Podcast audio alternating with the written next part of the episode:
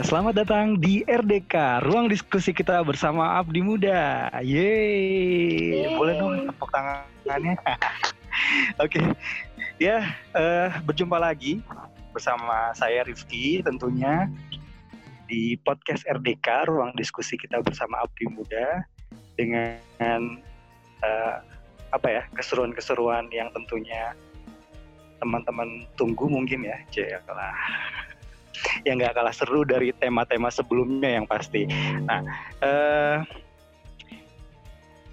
apa namanya sebelum kita mulai, mungkin mau menyapa ya walaupun nggak ada apa ya ini ya eh, komunikasinya satu arah, kayak ngomong sendiri, komunikasinya satu arah sama teman-teman pendengar di sana. Semoga doanya teman-teman semua yang mendengarkan podcast kita eh, nanti dalam keadaan sehat walafiat, tidak dalam keadaan yang sedang menderita, ataupun kalau misalnya sedang mengalami musibah, diberikan uh, ketabahan untuk menghadapinya, dan semoga kita selalu dalam lindungan Tuhan Yang Maha Esa. Amin. Ya Rabbal Alamin. Aduh, gila, bijak banget sih gue. ya, oke. Okay. Uh, baik, pada kesempatan kali ini sebenarnya sini tappingnya malam ya. Cuma nanti teman-teman kalau mau denger pagi, siang, sore ini bisa banget. Kita di sini mau ngomongin apa ya kira-kira ya? Dengan mungkin saya mau kasih clue dulu. Jadi narasumber kita ini terdiri dari dua orang, uh, wanita dan pria, Cela. Seorang pendidik. Nah, Kira-kira dari clue-nya teman-teman udah bisa nebak ya kita mau ngomongin apa. Kalau gitu kita langsung aja deh sapa, gak usah banyak-banyak cakap. Mungkin teman-teman juga udah bohong, udah bosen dengar suara saya ya. Oke, di sini kita ada Kak Vela. Halo Kak Vela. Halo, Halo, apa kabar Kak Vela? baik-baik. Alhamdulillah. Alhamdulillah. Kak Vela gimana tugasnya? Tugasnya Ah, lancar lagi jaya. sibuk apa nih sekarang? Sekarang lagi dapat amanah dari Kemdikbud untuk jadi Ah. pendamping guru penggerak di Kabupaten Sika. Wow. Oke, Kak, stop dulu. Oke, biar kita buat penasaran para pendengar nih ya. Nanti kita korek-korek lebih dalam lagi ya. boleh. Nah, sekarang aku mau nyapa eh, narasumber kita yang satunya lagi yang gak kalah keren. Kak Iqmal. Halo Kak Rifki. Halo, apa kabar Kak Iqmal? Alhamdulillah baik Kak Rifki. Ini Kak Rifki gimana Baik nih? ya. Alhamdulillah masih eh, gini-gini aja sih. masih masih oke. apa sih? Gak menjawab pertanyaan ya Kak Iqmal ya. Oke, Kak Iqmal, di Karawang lagi musim apa? Eh, kemarin-kemarin masih musim panas di sini, meskipun ada hujan Oke. dikit. Ya, kira-kira kita mau ngomongin apa nih? saya malah nanya ya, bukan Kak Vela atau Kak Iqmal yang nanya saya. Oke, jadi eh Kak Vela sama Kak Iqmal ini kita undang sebagai tenaga pendidik, betul betul. Betul? Ah, kita mau ngomongin isu yang eh, apa ya? Bukan yang sedang hot juga sih sebenarnya. Cuman eh, kebiasaan baru karena terjadi pandemi seperti ini. Jadi ada kebiasaan-kebiasaan lama yang kita tinggalkan terus kita harus dihadapkan dengan kebiasaan baru yaitu belajar dari rumah. nah, sebenarnya eh, gimana ya? Dari sekian banyak negara eh, dan Indonesia memilih opsi untuk tetap melakukan sistem pembelajaran gitu, walaupun dari rumah ya. Kalau misalnya kita compare sama negara-negara lain, bahkan ada yang masih sekolah sekolah formal gitu masuk sekolah biasa gitu kan bahkan ada di negara lain pun yang mencutikan eh, semua pelajaran eh maksudnya eh, muridnya. Jadi dicutiin tuh selama setahun. Wah enak banget ya. Negara mana sih itu? Nah eh kalau aku mau tanya sama kak Iqmal dan kak Vela nih sebagai yang berkecimpung di bidang itu bagaimana sih implementasi kebijakan pemerintah mengenai belajar dari rumah? Monggo siapa dulu ladies first deh kak Vela silakan Hmm. Implementasi dari kebijakan BDR kebetulan Hmm. kondisi geografis di sini Kabupaten Hmm. Sika itu sebagian dari Pulau Flores, sebagian lagi itu pulau-pulau kecil di sekitarnya seperti Pulau Oke. Pematang, Permaan, Kojadoy, Pangabatang itu. Nah, nggak sedikit anak-anak di sekolah saya itu yang berasal dari sana. Hmm, Jadi itu jarak jarak tempuhnya tuh berapa kilo tuh kak? lewat laut pakai kapal mereka Dan mereka setiap hari menjalani itu. enggak jadi anak-anak yang dari Hah? pulau itu memutuskan untuk asrama kalau tidak ngekos di sini Oh, Oke. karena oke, tidak bisa oke. pulang pergi Hmm. Oke. Terus terus kak aku Jadi- menarik nih. sebetulnya BDR ini kondisi pulau kan tidak seperti di daratan kalau masyarakat sini bilangnya eh, mau mere itu kotanya jadi ada Hmm. di daratan mereka itu kan di tengah lautan jadi Waduh. sinyal itu kan tidak seperti di sini otomatis Nah, ketika ketika mau BDR itu mereka itu harus ke pesisir pantai atau naik ke Oke. bukit gitu. Nah ini menarik nih. Sorry kak Iqmal. Eh, aku lebih tertarik sama Kak Vela ya. Jangan, jangan, jangan. Nanti Kak Iqmal ada gilirannya kok. Oke, eh, gini.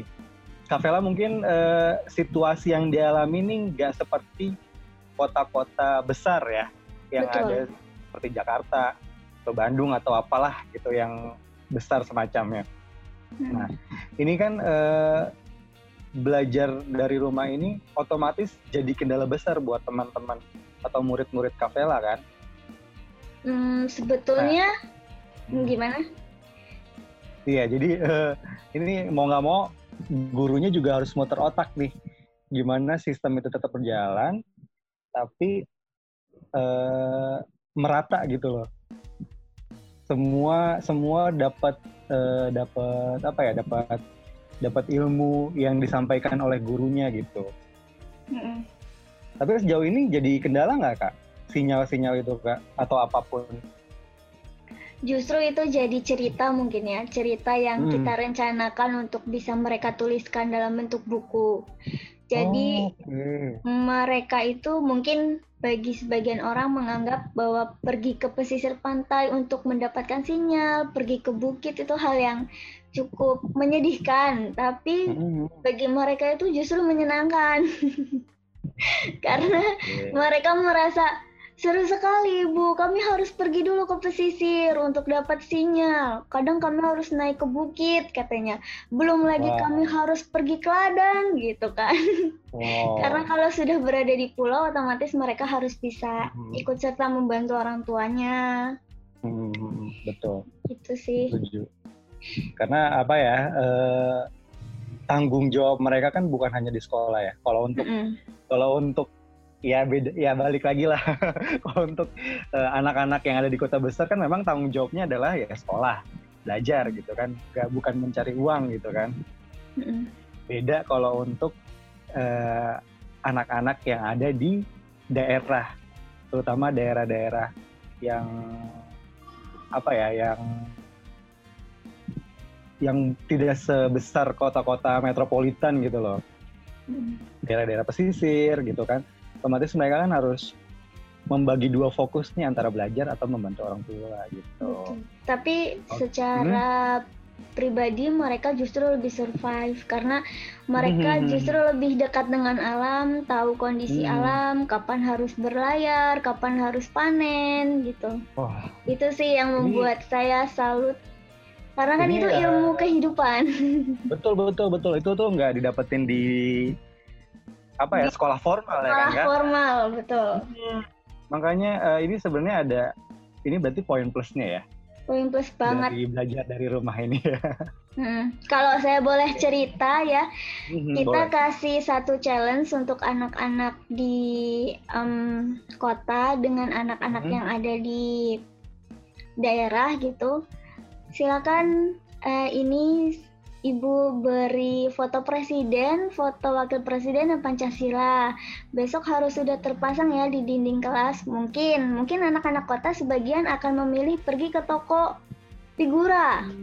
Hmm, Tapi kalau anak-anak sini tidak, mereka mencari kayu sendiri, mengecat sendiri, memasang maku di dinding kelas sendiri gitu. Jadi mentalnya oh, belum, alhamdulillahnya belum mental konsumtif gitu.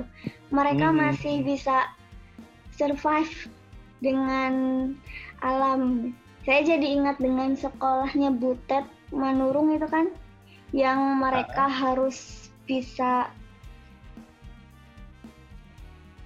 bisa menyatu dengan alam, tidak harus terpaku dengan yang formal gitu.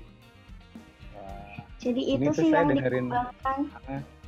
saya dengerin eh, Kak Vela cerita tuh kayak seolah-olah menjadi bagian dari itu. Soalnya masuk banget saya ke situ kok jadi ngebayangin gitu. Iya. Sampai lupa nih ada Kak Iqbal di sini. Oke. Oke, Kak Vela nanti kita lanjut ya. Sekarang eh, Siap. aku mau tanya ke Kak Iqmal nih. Kak Iqmal kan eh, tentunya tempat Kak Iqmal sekarang bertugas kan beda dari Kak Vela gitu kan. Pasti dinamika belajar dari rumah ini pun berbeda seperti yang dirasakan sama Kak Vela nih. Kalau tempat Kak Iqmal sendiri gimana Kak? Iya betul mas, beda banget. Tapi sebelumnya Hmm. eh, saya mau ngomong kayak gini, eh, ada anak-anak yang bertanya, ada atau ada orang tua yang bertanya, kan dalam pembukaan undang-undang dasar itu di situ disebutkan salah satu tujuannya adalah mencerdaskan kehidupan bangsa kan. Nah, tapi di sisi lain kita pun harus ingat bahwa ada sebelum kata mencerdaskan kehidupan bangsa ada kata-kata lain gitu kan sebelumnya ada kata melindungi segenap bangsa dan seluruh tempat daerah Indonesia. Nah, PJJ belajar dari rumah ini sebagai salah satu upaya itu kalau bagi bagi kami melihatnya. Di sisi lain kita pun nggak cukup mencerdaskan kehidupan bangsa, tapi yang harus pertama kali dilindungi adalah melindungi anak-anak kita gitu supaya nggak terpapar eh, virus COVID-19. Apalagi kan Hmm. kalau saya, daerah saya termasuk daerah zona merah, Mas. Daerah zona merah Karawang Oke. itu salah satu pusat juga kan, pusat penyebaran juga. Nah, Apalagi adanya demo ya, jadi klaster baru tuh. terbaru ya daerah Karawang Oke. kan daerah yang dari dulu zona merah dengan adanya Hmm. BDR ini ini sebagai salah satu upaya gitu gimana caranya tetap bisa mencapai tujuan mencerdaskan kehidupan bangsa tapi di sisi lain anak-anak kita pun dilindungi gitu supaya nggak terpapar virus gitu. tapi tantangan berbeda apa yang dialami oleh Kapela Hmm. pasti berbeda karena setiap daerah punya karakteristiknya tersendiri Hmm, Ya. betul. sih Nah, kalau di tempat Kak Iqmal gimana Kak? Nah kalau di saya kebetulan nih ada ada empat Hmm. empat kendala biasanya dalam dalam eh, Hmm. pembelajaran jarak jauh ini. Yang pertama kendala yang pertama ada anak yang nggak punya HP. Masih ada anak yang nggak Oke. punya. Hmm. Kendala yang kedua ada yang punya HP nggak punya kuota. Ada yang kayak gitu terhambat. Ketiga, ada yang punya HP, kuota ada, tapi kadang-kadang sinyalnya hilang. Misalnya kalau hujan, atau Oh. ada juga yang kayak gitu, Mas. Hmm. Yang keempat, ada juga HP ada, kuota ada, sinyal oke, tapi nggak ikut pembelajaran gitu. Ada juga yang kasus Oke. kayak gitu. Berarti ada empat empat kendala ya. Iya. Empat faktor kendala. faktor kendala itu. Hmm. Terus, Sama- eh, Kalau di perkotaan, oke, biasa- lanjut silakan Kak Iqmal.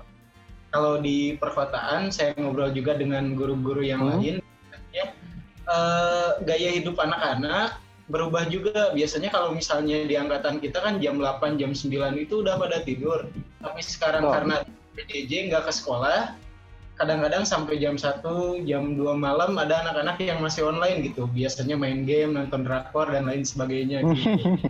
Besoknya ketika PJJ nggak ikut. Nah, ada juga kendala-kendala yang kayak gitu gitu.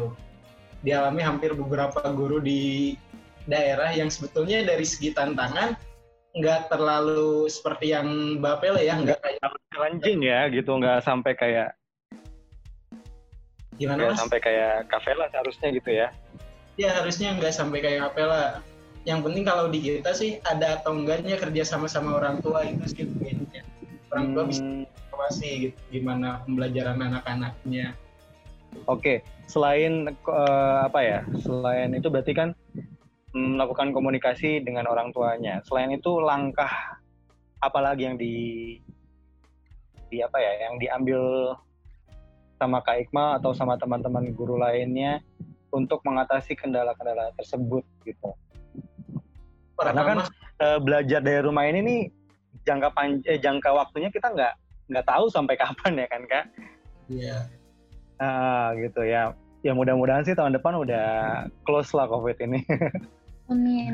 Tapi kan kita nggak bisa prediksi juga tepatnya itu kapan kan. Nah makanya eh, kendala ini kalau misalnya nggak diselesaikan pasti kan akan ada terus gitu kan. Bahkan volumenya bisa bertambah bertambah gitu. Nah langkah Kak Iqmal dan teman-teman guru lainnya eh, apa nih untuk apa untuk menekan menekan angka yang tadi dibilang.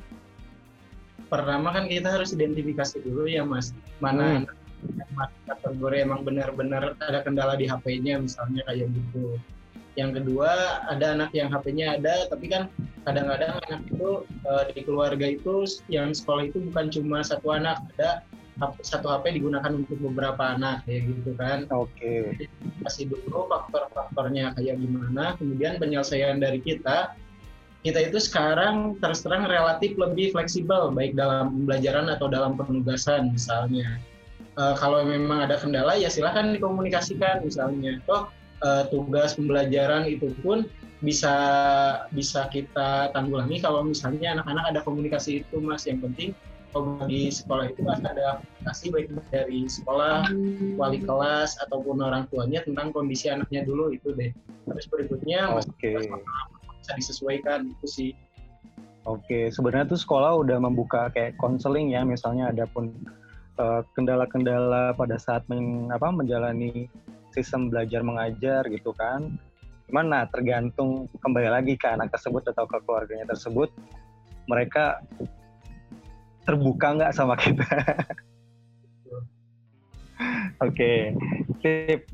Eh, aku mau tanya lagi nih ke Kavela nih. Tadi kan udah denger kalau dari Kak Iqmal kan udah dijelasin tuh juga ada kendalanya ini ini ini. Kalau tadi aku dengar dari Kavela, aku masih mendengar yang bagus-bagusnya nih, Cela. Hmm. Tapi kan pasti ada kendalanya juga dong kak. Betul. Boleh dong di-share sama kita apa kendala yang dialami sama Kavela selama Oh, menjalani oke. belajar dari rumah ini. Jadi ketika kebijakan BDR itu mulai sampai ke NTT, Hmm? yang dilakukan oleh kami, oleh pihak sekolah itu yang pertama mendata siswa yang memilih pulang pulang ke pulau karena mungkin mereka merasa lebih aman dan terjamin kan dekat dengan orang tuanya. Terus Oke. mendata fasilitas ponsel yang dimiliki oleh siswa. Berapa nih siswa yang punya ponsel, entah itu orang tuanya ataupun pribadi yang jelas ada dalam satu rumah gitu. Setelah itu diambil kesimpulannya bahwa siswa yang tidak memiliki ponsel memutuskan untuk stay di asrama. Jadi anak-anak pulau yang tidak punya ponsel ini mereka tidak pulang tapi stay di asrama karena kan asrama Oke, sebentar, aku potong dulu kak. Ini asrama yang dis- yang disediakan oleh sekolah atau gimana? betul betul Oh, oke, disediakan oke. gratis oleh sekolah untuk anak-anak pulau Hmm, gitu. menarik nih. Aku mau tahu eh, kira-kira fasilitas asrama ini apa aja nih? Fasilitasnya sederhana, ruangan yang bisa membuat mereka terhindar dari panas dan hujan. Oke. gitu. Jadi mereka juga yang nantinya karena gratis kan, jadi mereka Mhm. itu tanggung jawabnya adalah menjaga masjid agar tetap bersih serta Hmm. pembayaran melalui hafalan. Oh, oke. Gitu. Jadi free secara materi, tapi mereka ada tanggung jawab untuk menyetorkan hafalan gitu. Nah, Oke. karena berhubung berhubung kita menggunakan e-learning dari Kemenag, Hmm, maka sekolah itu tidak serta-merta kosong. Ada operator sekolah yang standby di sekolah dan wali kelas. Jadi kalau misalkan pelajaran saya nih, saya sampaikan ke wali kelasnya, lalu nanti wali kelas menyampaikan di WA group, menyampaikan juga ke siswa yang berada di asrama, gitu. Oke. Cuman ada lima poin yang saya catat itu yang saya merasa bahwa ini perlu ada di kegiatan PJJ. Yang pertama itu eh, perlu ada kegiatan literasi, kemudian ada Hmm. instruksi penugasan yang jelas dan terarah yang Hmm. disesuaikan dengan gaya belajar siswanya ini kan saya akan disesuaikan dengan gaya belajar mereka itu visual, auditory, kinestetik.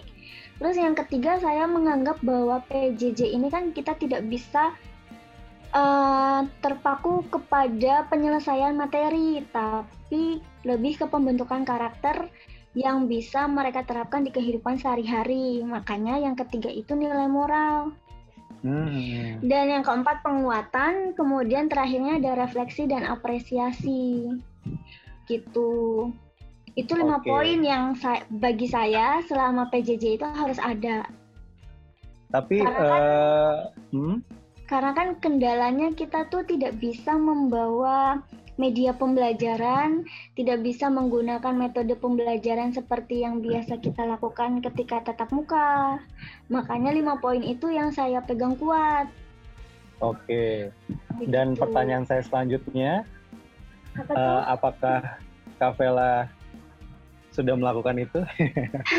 Atau apa langkah Kavela untuk eh, biar itu apa ya? Biar itu bisa dijalani gitu.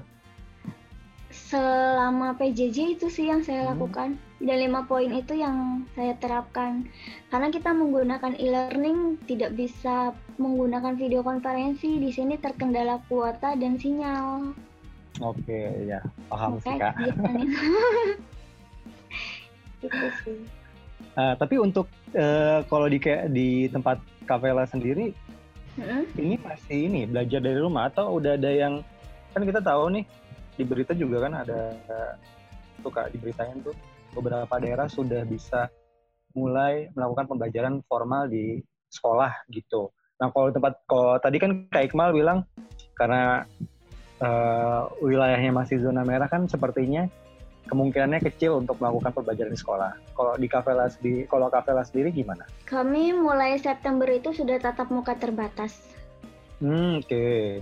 Kalau Berapa lihat dari kalau lihat dari ini ya em, apa perkembangan COVID-19 kan untuk NTT terutama Kabupaten Sika itu kan hampir tidak ada. Hmm, alhamdulillah. Alhamdulillah kami aman. Makanya mulai dari September itu kita sudah tatap muka terbatas. Terbatasnya itu maksudnya kita tidak bisa lagi satu jam 45 menit gitu. Tapi satu kelasnya dibagi menjadi dua tahap, tahap pagi dan tahap Oke. siang gitu. Shiftan gitu ya kak, kayak sama orang Betul. kerja ya. Oke, sip. Nah, aku mau tanya lagi nih ke Kak Iqmal nih. Nanti Kak Vela kita ngobrol-ngobrol lagi ya. Siap. Oke, Kak Iqmal, eh, sejauh ini sudahkah sudah berapa orang atau sudah berapa murid atau keluarganya yang curhat tentang kondisi belajar dari rumah ini, Kak? Kalau curhat ada mas di setiap Hmm. kelas, setiap kelas hampir setiap kelas ada beberapa orang yang emang anaknya nggak bisa ikut PJJ. Alasannya macam-macam. Misalnya eh, saya kemarin habis survei ke salah satu daerah, salah satu kampung nelayan. Di sana Hmm. melakukan kunjungan juga. Nah pas ketika saya tanya kenapa nggak ikut PJJ, alasannya alasannya sama kayak yang disampaikan oleh Kavela tadi karena kan kondisi di daerah beda sama kondisi di kota ya ada Hmm. anak-anak harus ikut membantu orang tuanya gitu. Ada anak yang selama PJJ ini selama enam hari terus di laut terus jadi membantu orang tuanya gitu. Ada yang Oh, kondisinya Ini berarti Kak Iqmal sekolahnya deket pesisir juga gitu? Eh, saya di daerah Pantura dekat dekat itu dekat di pesisir saya. Kalau sekolahnya saya Oh. relatif agak ini sih cuman nggak jauh dari pantai. Hmm, Paling jadi ada yang- mayoritas mayoritas apa namanya muridnya ya berasal dari wilayah-wilayah pesisir itu ya kak? ya ada yang dari pesisir kayak gitu. Oke. Dan paling banyak alasannya mau kepo sedikit nggak apa-apa ya kak? paling banyak kira-kira alasannya mereka apa tuh? Alasannya sebetulnya tantangan tadi ya kadang karena ada ada beberapa anak yang memang harus ikut membantu orang tuanya gitu. Apalagi kan Hmm, orang tua yang mandangnya oh, mumpung nggak sekolah, mumpung lagi dianggapnya kayak liburan atau apa, jadi bisa ikut mending ngebantu orang tua aja. Ada yang alasannya kayak gitu juga gitu. Dan kita kan Oke. nggak bisa menyalahkan ya Mas, itu bagian dari hmm, dari psikologis masyarakatnya memang seperti itu. Gitu. betul betul. Nah Kak Iqmal, aku mau kepo lagi nih. Curhatan terabsurd yang pernah Kak Iqmal terima gitu dari murid atau dari keluarganya. Curhatan terabsurd apa ya? Kendala di Jakarta paling yang kayak gitu paling yang agak aneh bagi guru-guru Hmm. yaitu yang agak anehnya dia di PJJ di uh, e-learning atau di uh, Google Classroom nggak aktif tapi ketika ada lima menit kemudian ada anak yang bikin status lagi di mana gitu kayak gitu Ah, oke, oke. Wow. Serta di- Untung saya bukan ini ya. Untung saya bukan anak sekolah zaman sekarang. Kalau misalnya cabut ketahuan gitu ya. makanya berikutnya Alah, nomor nomor saya langsung statusnya disembunyikan gitu sama anak gitu. Ah. Wah, luar biasa ya. Itu sih tantangan kita juga ya sebagai eh, tantangan terutama karena tantangan Kak Iqbal dan Kak Vela sebagai tenaga pendidik, apalagi SMA gitu, masa-masa transisi Tapi untuk eh, saya tadi setuju apa yang disampaikan dewasa. oleh ini Mas eh, tadi saya setuju Gimana? apa yang disampaikan Kapela ya. Eh, ya kan dalam PJJ ini kita bukan bukan terpaku pada kompetensi dasar yang harus diselesaikan oleh anak-anak karena kan Hmm. kondisi sedang darurat. Nah Betul. makanya dari, dari sekolah kita guru-gurunya itu disarankan gimana kalau misalnya sekarang selain pembentukan karakter juga diarahkan eh, penugasan atau apa pun itu diarahkan kepada yang menunjang bakat dan minat anak. Misalnya saya kan di Mhm. pelajaran sejarah, kalau misalnya ada anak Mhm. yang dia di- bakatnya di bidang visual spasial, di bidang menggambar, ya udah tugas selama PJJ ini buat satu karikatur, satu karya atau apa pun itu gitu. Anaknya di bidang musika, lebih- tugasnya proyeknya buat eh, mengaransemen lagu, membuat lagu yang kayak gitu sih kita arahkannya ke arah sana gitu untuk di momen-momen Ya seperti ampun. Itu. pengembangan bakat. Nah itu betul Kapela pengembangan bakat dan minat anak. Soalnya kalau ngejar ke kompetensi ke KD itu kan dengan situasi seperti ini Hmm, ada Saya tantangan. stres.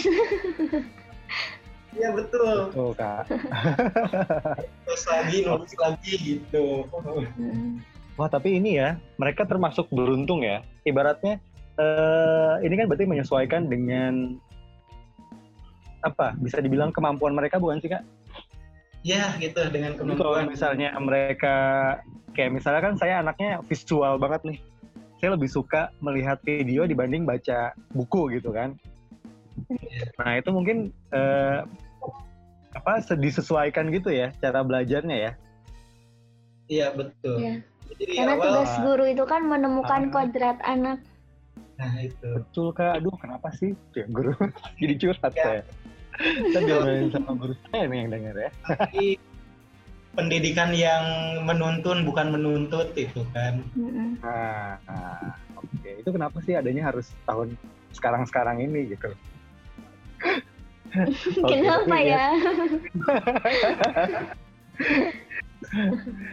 Ya, uh, ya alhamdulillahnya sekarang-sekarang ini sudah mulai apa ya, sudah mulai membaiklah sistem pendidikan kita, betul nggak sih kak? Betul, setuju. Setuju ya.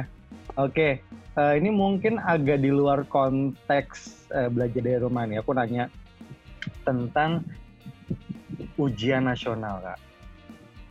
Kan kita hmm. baru saja tahun kemarin ya. Eh tahun ini, tahun ini tahun ini beberapa bulan yang lalu kita melewati ujian nasional gitu kan. Nah itu gimana tuh kak? Gimana chaosnya? Gimana implementasinya pada saat harus dibenturkan dengan pandemi ini? Kira-kira siapa dulu yang mau jawab? Kalau di kita, ah, Kak Iqmal.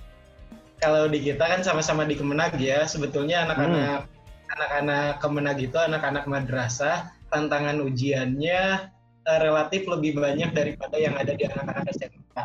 Di kita kan selain ujian nasional ada juga ujian madrasah, kemudian ada juga UMBM, ujian uh, pelajaran okay. agama itu. Nah, di tahun ini agak berbedanya sebetulnya kan ujian nasional akan eh, nggak uh, adanya itu tahun ini di tahun pelajaran ini, tapi tahun kemarin hmm karena memang situasi dan kondisinya nggak memungkinkan ujian nasional itu ditiadakan gitu sebagai penggantinya dipakai nilai-nilai raport dan nilai-nilai yang sebelumnya sudah anak-anak dapatkan gitu itu mas. Tapi sebelumnya kalau misalnya ujian madrasah kita sempat menyelenggarakan juga. Waktu itu hmm. kita pakai sistemnya uh, berbasis kuisis. Kita pakai sistemnya kuisis. Kuisis. Kuisis. Sebelum uh, e-learning sebelum e-learning diterapkan kalau semester sekarang kita pakainya e-learning dari Kemenag gitu. Oke. Berarti e-learning ini uh, merupakan aplikasi pembuat pembelajaran gitu ya? Iya. Ya, Membantu banget selama PJJ yang saya rasakan. Karena hmm. di situ hmm. ada kolom sumber belajar, saya sebagai guru bisa memasukkan sumber belajar yang disesuaikan seperti e-book untuk yang visual atau link YouTube bagi yang auditori gitu. Oh, Oke. Okay. Relatif ini mas tampilannya relatif lebih sederhana sama kayak kita itu. Iya. Yang angkatan kita di kita itu. Nah, kalau Kak Vela sendiri gimana Kak kemarin Kak menghadapi ujian akhir sekolah? Sama sih kita sempat menyelenggarakan ujian madrasah, tapi kalau di sekolah saya berbasis Android Pak Iqmal. Bukan hmm. berbasis Android. Jadi mereka bawa HP masing-masing tapi itu terpusat jadi masuk ke Kemenag yang Pemprov itu. Sisanya itu apa? Menggunakan hmm, ujiannya berarti online gitu ya kak? Uh, berbasis Android. Online betul. Memang Oke, perlu online ya. kuota. Ya. Kalau ada kuotanya nggak bisa masuk mereka, nggak bisa login. Nah itu uh, ya saya mungkin ini ya agak agak overthinking ya. kayak kayak belajar kayak ujian online itu kan uh, peluang untuk untuk melakukan kecurangan kontak kayak dia googling gitu kan uh, besar banget ya. Karena kan tinggal tinggal ganti window dia buka Google searching gitu. Uh, udah tuh dapat jawaban atau dapat kata deh. ya makanya. Nah itu monitoringnya seperti apa tuh kak? Selama ujian. Biar uh, apa ya biar hal-hal kayak gitu tuh dapat diminimalisir atau enggak sama sekali ada gitu. Siapa dulu nih? Boleh Kavela kalau saya kemarin ketika UKK ujian kenaikan kelas kebetulan masih hmm. pandemi kan masih PJJ hmm. sama di e-learning tempatnya tapi saya tidak menggunakan soal-soal yang C1 gitu loh bahasanya lebih ke C6 yang membuat mereka itu berpikir kritis.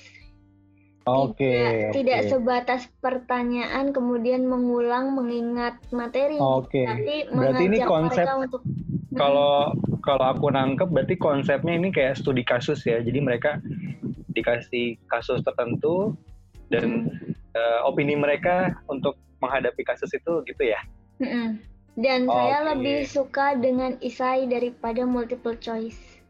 Oke, Gitu, tapi ini jadi- esainya oke oke taruh taruhlah kalau misalnya soal yang kayak logika gitu kayak sosiologi atau apa pun kan bisa ya dengan imajinasi kita. Nah kalau misalnya fisika, kimia, Saya rasa fisika kimia Ah. juga sudah mulai ini ya Pak Iqmal ya. Maksudnya bukan lagi C1 tapi sudah mengarah ke C6 yang membuat yang dikontekstualkan dengan kehidupan di sekitar Nah, mereka oke, gitu. Oke. Jadi yang Oke. tidak hanya dari Google. Kalaupun mereka melihat Google, otomatis mereka harus membaca dulu, menganalisa dulu, kemudian baru memutuskan jawaban. Waduh, itu nggak cukup satu jam berarti ya kak ujiannya. Ya apa-apa, karena nanti di kehidupan kampus dan di kehidupan kerja mereka akan lebih dari itu. Hmm, betul, setuju banget sih kak. Karena kan kita selama ini eh, sudah dikotak-kotakan oleh sistem yang seperti itu ya. Eh, Oke, kalau kak Iqmal menambahkan- mungkin ada tambahan? mau menambahkan apa yang disampaikan oleh Kapela tadi. Boleh. Ya, Gimana? eh, sebetulnya nggak berbeda jauh sama apa yang disampaikan oleh Kapela. Misalnya soal-soal saya di sana ada anak-anak itu harus menafsirkan dari sebuah karikatur. Cuman satu atau Mhm. dua soal karikatur. Karikatur itu ya terserah mereka tulis banyak banyaknya apa yang mereka pahami dari karikatur tersebut. Di sana kan ada ada interpretasinya, ada analisisnya, ada Betul. juga imajinasi yang bis- bisa mereka eh, latih di sana gitu. Nah misalnya soal-soal yang sekarang dikembangkan itu soal-soal yang lebih ke arah sana gitu. Kemampuan literasinya bisa kita gali dari arah sana itu sih. Soalnya kalau misalnya soal yang C1 dari Google atau dari apa pun kan anak-anak bisa, tapi ketika Banyak. yang itu, eh, menafsirkan atau apa itu kan dari hasil pemikiran mereka sendiri itu sih. Dari dari kita pembelajaran Oke. prosesnya ke arah sana. Nah ini mungkin boleh dijelasin nih. Eh, aku sendiri kan nggak paham ya, karena bukan seorang pendidik. Oh, Eh, perbedaan antara C1 atau mungkin ada jenis C lainnya itu apa kak? Eh, yang Pak Iqbal silakan. Monggo, silahkan. Taksonomi Aku belum, taksonomi belum. Ya kalau eh, soal sejarah, misalnya soal sejarah, soal C1 itu kayak kapan tanggal kemerdekaan Republik Indonesia. Hmm. Hmm. Soal C1 Oh yang yang jam- C1 itu. Oh. Tapi kalau misalnya eh, ada pertanyaan, menurut kalian, menurut kamu, apakah sekarang Indonesia sudah merdeka? Kan itu jawabannya bisa macam-macam ya, open minded. Bisa dilihat dari Oh oke, Begitu. itu contoh. oke oke oke oke Betul. oke. Berarti ada dua jenis ya, C1 dan C6. Banyak dari C1, C2, C3, C4, C5, C6. Begitu. Tapi itu eh, masing-masing punya karakteristik masing-masing ya. Mm, Ya, Sampai yang puncaknya itu mereka menciptakan ya Pak Iqmal ya, menciptakan produk. Oh oke, itu C berapa tuh? C berapa tuh Pak Iqmal? Itu yang C6, tapi C6, C6 di kreasi. di kreasi betul. Oke, C6 tapi levelnya udah advance gitu ya. Saya ambil contoh kayak gini deh, ada di Ah, ada anak saya yang kemarin, yang tahun kemarin, dia itu baca cerita tentang pendudukan Jepang di Indonesia, baca cerita Hmm. tentang Jugunyan.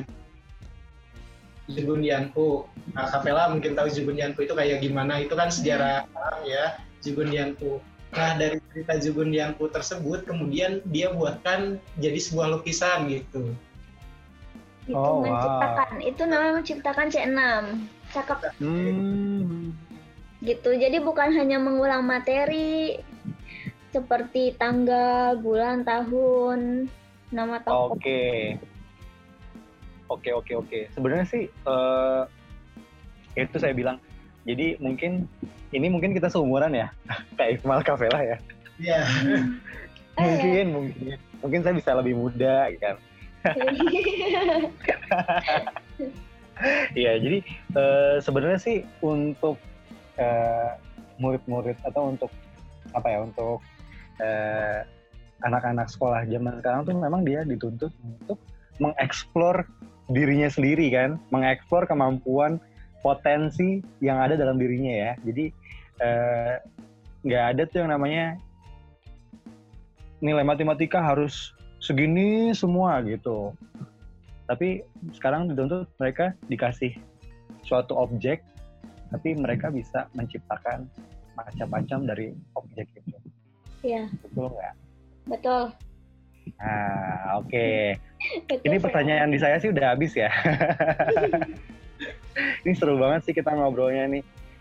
Banyak istilah-istilah yang saya baru tahu. Nah, eh, mungkin pertanyaan terakhir deh. Pertanyaan terakhir dari saya. Harapan untuk eh, dunia pendidikan yang ada di Indonesia. Mungkin pertama harapannya terhadap sistem belajar dari rumah ini. Yang kedua harapan apa dunia pendidikan Indonesia ke depannya seperti apa? Monggo silakan. Mau kafe dulu boleh. Baik mal dulu, baik mal. Oh, Kak Iqbal dulu boleh. Harapan ya, harapan untuk Ah, pendidikan di Indonesia. hmm. Sebetulnya eh, ini menjadi apa ya harapan kita bersama dengan adanya Mas Menteri beberapa kebijakannya kebijakan yang berorientasi pada siswa itu. Makanya kalau Hmm. misalnya eh, kita ngobrol dengan beberapa guru-guru ya beberapa guru-guru sekarang pendidikannya bukan diarahkan lagi gimana caranya oh pokoknya kamu harus baca banyak buku kamu harus banyak materi enggak enggak seperti itu karena kan dalam dalam dunia kerja kadang-kadang kan itu yang dikejar gitu kadang-kadang yang dihadapi anak-anak kan berbeda tapi yang kita kita coba kerjakan adalah gimana caranya pendidikan itu bisa mengembangkan bakat dan minatnya bakat dan minat peserta didik itu sih harapannya pendidikan yang bisa menuntut yang bisa menuntun bukan menuntut lagi itu harapannya Oke.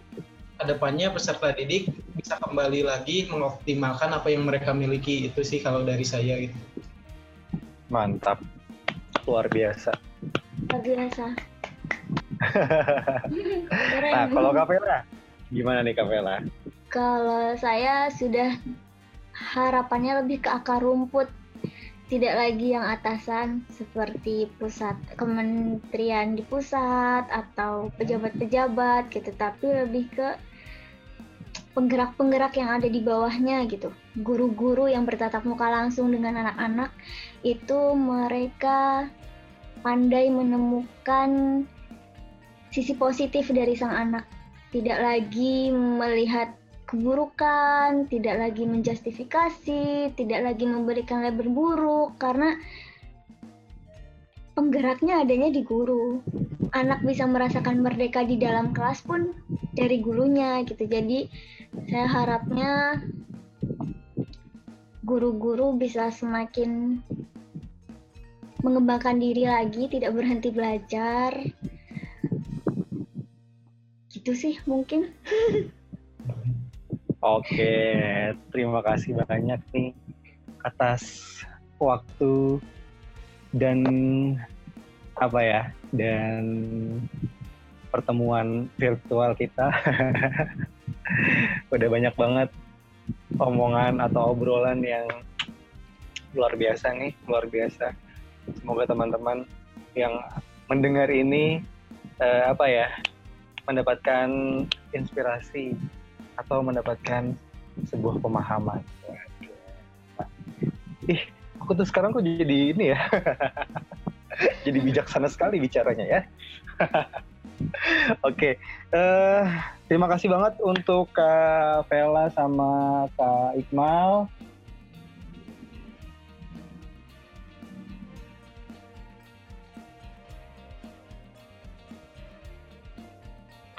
Ya, terima kasih banget untuk Kak Vela dan Kak Iqmal.